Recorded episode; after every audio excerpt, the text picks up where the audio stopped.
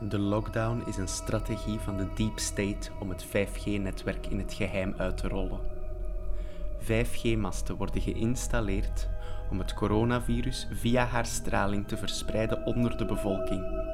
Als je alle letters van het woord corona naar cijfers omzet en optelt, dan krijg je het cijfer 666, oftewel het cijfer van de duivel. COVID-19 is een biochemisch wapen verspreid door aliens om de mensheid uit te roeien. De mondmaskerplicht is een voorwendsel om een islamitische staat te installeren. Het is de eerste stap richting een algemene boerkaplicht. COVID-19 is een voorwendsel om de echte oorzaak van de ziekteverschijnselen, namelijk 5G-straling, te maskeren. COVID-19 bestaat niet. Het is een verzinsel. Mensen hebben misschien de indruk dat het verergerd is, maar mensen hebben altijd geloofd in de meest gekke theorieën. Dag Brecht, jij bent al jaren een observator van complotland, zoals je het uh, graag zelf noemt, de wereld van de complottheorieën. En je schreef er het boekje Achterdocht tussen feiten en fictie over, over hoe je kritisch kan omgaan met complottheorieën en complotdenkers.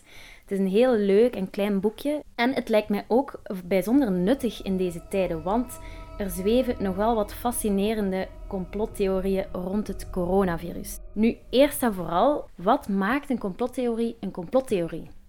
En onderscheidt het van een echt complot of een, uh, een echte theorie? De geschiedenis toont uh, ja, genoeg staaltjes van authentieke samenzweringen die er zijn geweest. Je hebt de doofpotoperatie van de kerk rond de, de pedofilie-schandalen. Je hebt het Tuskegee-syphilis-experiment, waarbij dat de Amerikaanse overheid honderden ja, zwarte Amerikanen moedwillig besmetten met syfilis om te kijken hoe de ziekte normaal verloopt. En die mensen waren daar eigenlijk niet van op de hoogte. Je hebt dan heel de onthulling van de NSA door Edward Snowden, van dat zij ons aan het bespieden waren. Er zijn veel gelijkenissen eigenlijk ook. Hè? Soms wel, ja. Dat zwarte uh, Amerikanen denken dat de overheid het niet altijd goed met hen voor heeft. Zij geloven soms dat aids of dat drugs door de overheid is geïntroduceerd in hun gemeenschappen om hun aantallen te doen decimeren. Maar dat komt natuurlijk niet helemaal uit de lucht vallen, want het Tuskegee-experiment waar ik net naar verwees, is wel echt gebeurd. Het probleem is, er zijn veel echte complotten en er zijn nog veel meer complottheorieën. Want wat zijn de typische kenmerken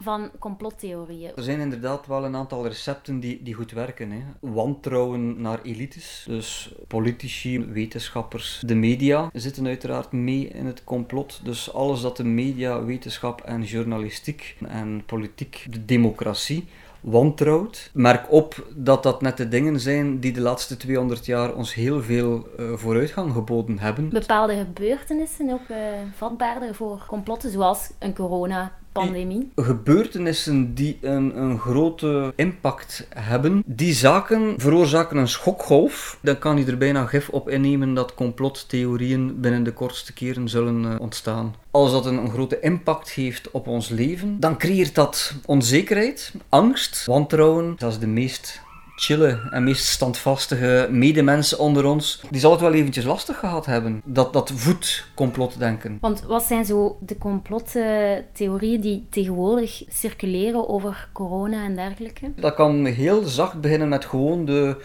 de officiële versie heel verdacht te maken. Negatieve coronatests worden gemanipuleerd om het besmettingsaantal te vervalsen of zelfs uh, ridicuul bij corona is dat van ja, het is niet erger dan een seizoensgriepje. Maar hier, hier kun je zeggen van, hier is nog niet echt sprake van een theorie. Ja, want waar is de grens tussen kritisch zijn ten opzichte van maatregelen of uh, het virus en een complottheorie? Wanneer wordt het een complottheorie? Er doen ook complottheorieën de ronde zonder, zonder theorie. Ja, dus dat zijn dan eigenlijk Maarten Boudry, een filosoof van de Universiteit Gent, noemt dat dan eigenlijk een complotflodder. Ze schieten eigenlijk maar met, met een, een, een complotgeweer hè, op, op, een, op een bepaalde officiële versie. En ze willen die aan flarden schieten, maar ze kunnen eigenlijk geen valabele theorie in de plaats uh, zetten. En dan heb je natuurlijk um, wel pogingen tot theorievorming, maar dus je hebt die gradaties. Sommigen zeggen dan het is gemaakt in een lab. Het coronavirus is een biologisch wapen ontwikkeld in een geheim laboratorium in Wuhan. Waarom? Ah, Bill Gates had al een vaccin klaar en hij wil daar gewoon gruwelijk veel geld mee verdienen. Bill Gates heeft het virus ontwikkeld omdat hij zijn eigen vaccin wilt verkopen aan ons. Of men wil gewoon de wereldpopulatie decimeren. Mhm. Het coronavirus is een plan van de Chinese overheid om de bevolking te decimeren. Tot zelfs zeer absurde complotversies. Ik ken een paar mensen die beweren dat het co- coronavirus niet bestaat. COVID-19 bestaat niet. Het is een verzinsel. Of dat virussen court niet bestaan. hè. Dat zijn eigenlijk virusontkenners. En waarom is dat dan? De lockdown is een strategie van de deep state om het 5G-netwerk in het geheim uit te rollen. Oh, dat is omdat men eigenlijk 5G wil uitrollen en men kan dat dan doen zonder protest, want mensen zitten toch binnen. Hè. Of omdat men gewoon onze fundamentele mensenrechten wil ontnemen. De coronamaatregelen zijn ingevoerd om wereldwijd een ontwakende en rebellerende bevolking in toom te houden. En zie maar, zo'n mondmasker is daar dan een eh, mooi symbolisch voorbeeld van, van hoe men ons wil muilkorven.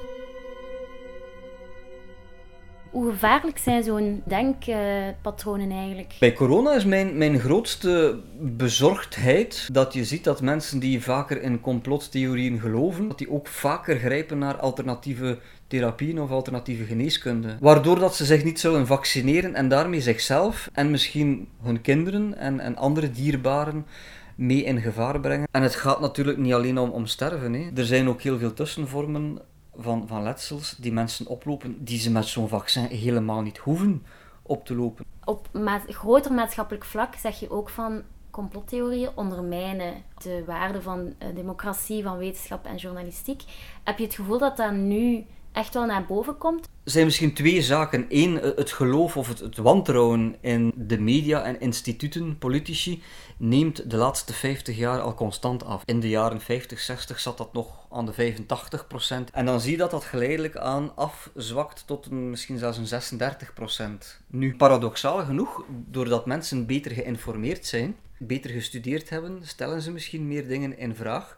Er zijn ook veel meer nieuwskanalen. En je ziet ook vaak, en dat is iets wat heel veel complotdenkers gemeen hebben, dat is vrije tijd. Je moet verdomd veel vrije tijd hebben om daarmee bezig te zijn. En het feit is, nu in tijden van die lockdown, hadden veel meer mensen veel meer tijd. Is er een, een typisch profiel van de complotdenker die misschien meer vrije tijd heeft of die zich misschien een beetje sociaal isoleert van de maatschappij, teleurgesteld is in de maatschappij? Het is niet alsof dat, dat er zo een profiel is van het prototype complotdenker. Maar er zijn wel een aantal dingen die erop wijzen. Ja? Mensen die sowieso anti-wetenschappelijk denken. Mensen die eerder spiritueel zijn of religieus. Is het een vorm Nee. van zingeving? Je ziet dat vaak spiritualiteit en zingeving en complotdenken samengaat. Je ziet dat ook op die, op die websites. Vaak gaat het, staat er een knop met bewustzijn of awareness. Soms zit het gewoon in, in de titel van de website. Het gaat over, ook over wakker worden. Ze hebben een, een inzicht opgedaan die dan onthult hoe het echt in elkaar zit. En dan zeggen ze, dat was de periode waarin ik wakker geworden ben. Dit is zo'n typische term van, van mensen die met spiritu- spiritualiteit en zingeving bezig zijn. Het hangt heel vaak samen. Maar toch schuilt er in elk van ons een complotdenker. En je haalt dat in je boek mooi aan met het voorbeeld van de mol.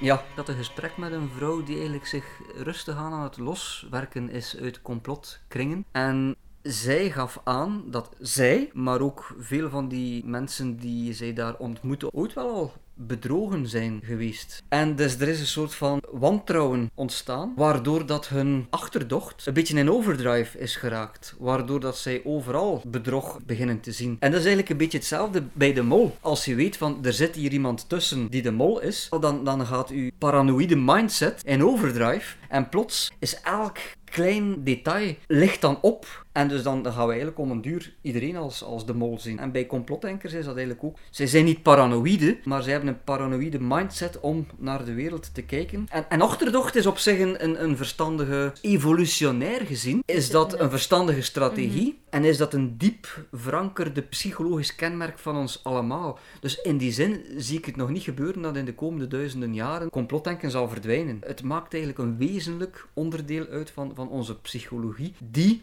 probeert patronen, verbanden oorzaak-gevolgrelaties te ontwaren in, in de wereld.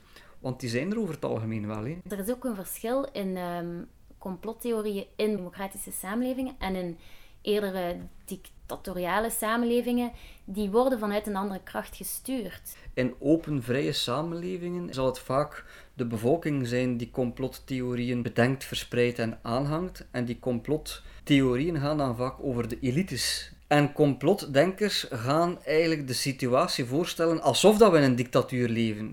Terwijl dat we nu net, ja, dat is het, het, ironische eraan, in, in een van de meest vrije samenlevingen ooit leven. Terwijl dat nu net in, in een dictatuur, zullen het vaak de dictators zijn die complottheorieën gebruiken als strategie om aandacht af te leiden van het eigen falen en gaan dan dat steken op minderheden. Die gebruiken ze dan eigenlijk als, als zondebok Um, als bliksemafleider. Van Amerika kan we nog altijd zeggen dat het een democratie is. Daar zie je dat ook politici zelf complottheorieën beginnen te gebruiken. Trump zegt dat de klimaatopwarming een hoax is, een bedenksel van de Chinezen om hun economie te destabiliseren. Moeten we daar bedachtzaam voor zijn? Het wordt wel meer mainstream op die manier. Het zijpelt veel meer door en er zijn ook een aantal machthebbers. Als we het hebben over bijvoorbeeld QAnon, een van die nieuwe grote eh, rechtse antisemitische complottheorieën. Er zijn een aantal politici in Amerika die heel veel kans maken om bij de volgende verkiezingen verkozen te worden. En die al openlijk hebben toegegeven dat ze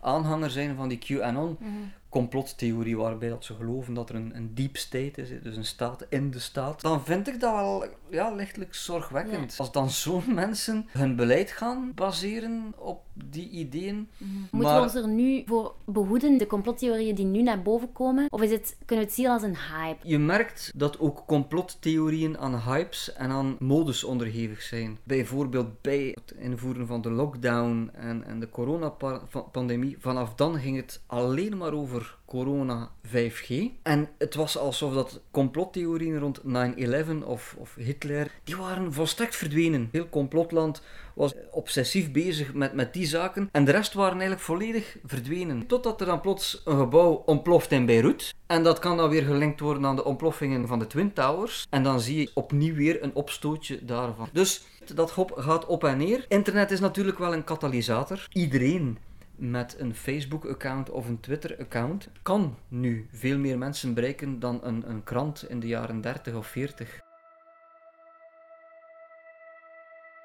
Mensen hebben misschien de indruk dat het verergerd is, maar mensen hebben altijd geloofd in de meest gekke theorieën. Het is eigenlijk een manier om de wereld te structureren ook gewoon. Ja, ja het is een, een kopingsmechanisme, een, een een manier om om te gaan met de complexiteit van de wereld. De wereld wordt er eigenlijk nog complexer door.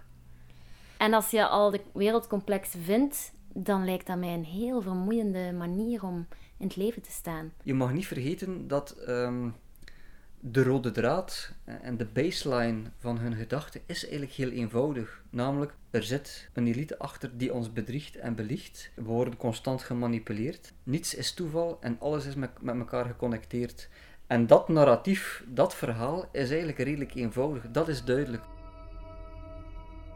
COVID-19 verspreid door aliens. Plan van de Chinese overheid, strategie van de deep state, Bill Gates richting een algemene boerkaplicht bestaat niet. Ze zijn één, in het begin ongelooflijk voorbarig.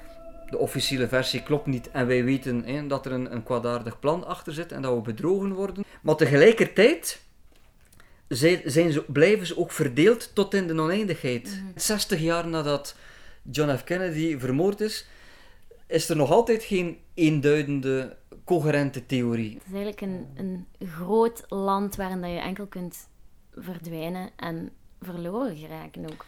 Ik noem het vaak dat mensen eigenlijk wegzakken in het, eh, het moeras, het moerasland, het moeras van, van het waandenken. Daaruit geraken is zeer moeilijk. Ja, het is eigenlijk als een radicaliseringsproces. Ja. Ja. ja. Ehm, en wie zegt dat de volgende aanslag niet van een complotdenker zal zijn? Anders Breivik in Noorwegen, als je zijn manifest leest, maar je ziet dat dat uh, bijna iedere bladzijde doordrongen is van een, een complotdenken dat, dat wij zullen ja, vervangen worden door moslims. Ehm, dat idee van le grand replacement, waar ook uh, Bretton Tarrant, uh, de, de terrorist die in Nieuw-Zeeland twee jaar hmm. geleden daar in die moskee een aantal honderden mensen heeft afgeknald. Dat manifest noemt ook The Great Replacement. Dus zij, zij beroepen zich op complottheorieën. Zolang dat het maar de 5G-masten zijn, daar mogen ze Ja. genoeg vernieling eh, aan toebrengen. Wat ook ironisch is, door die masten te, te vernielen waren een aantal ziekenhuizen tijdelijk niet beschikbaar, waardoor dat mensen die een ambulance moesten bellen, dat die diensten niet bereikbaar. bereikbaar waren. Ja. Eh, en het ironische van de zaak is dat, dat het geen 5G-masten waren, maar 4G-masten, omdat 5G nog niet geïnstalleerd Geïnstalleerd was. Dit was een podcast van EOS Wetenschap. Wil je op de hoogte blijven van meer podcasts? Ga dan naar onze website www.eoswetenschap.eu en schrijf je in op onze nieuwsbrief. Of je kan ons ook gewoon blijven volgen via je favoriete podcastkanalen.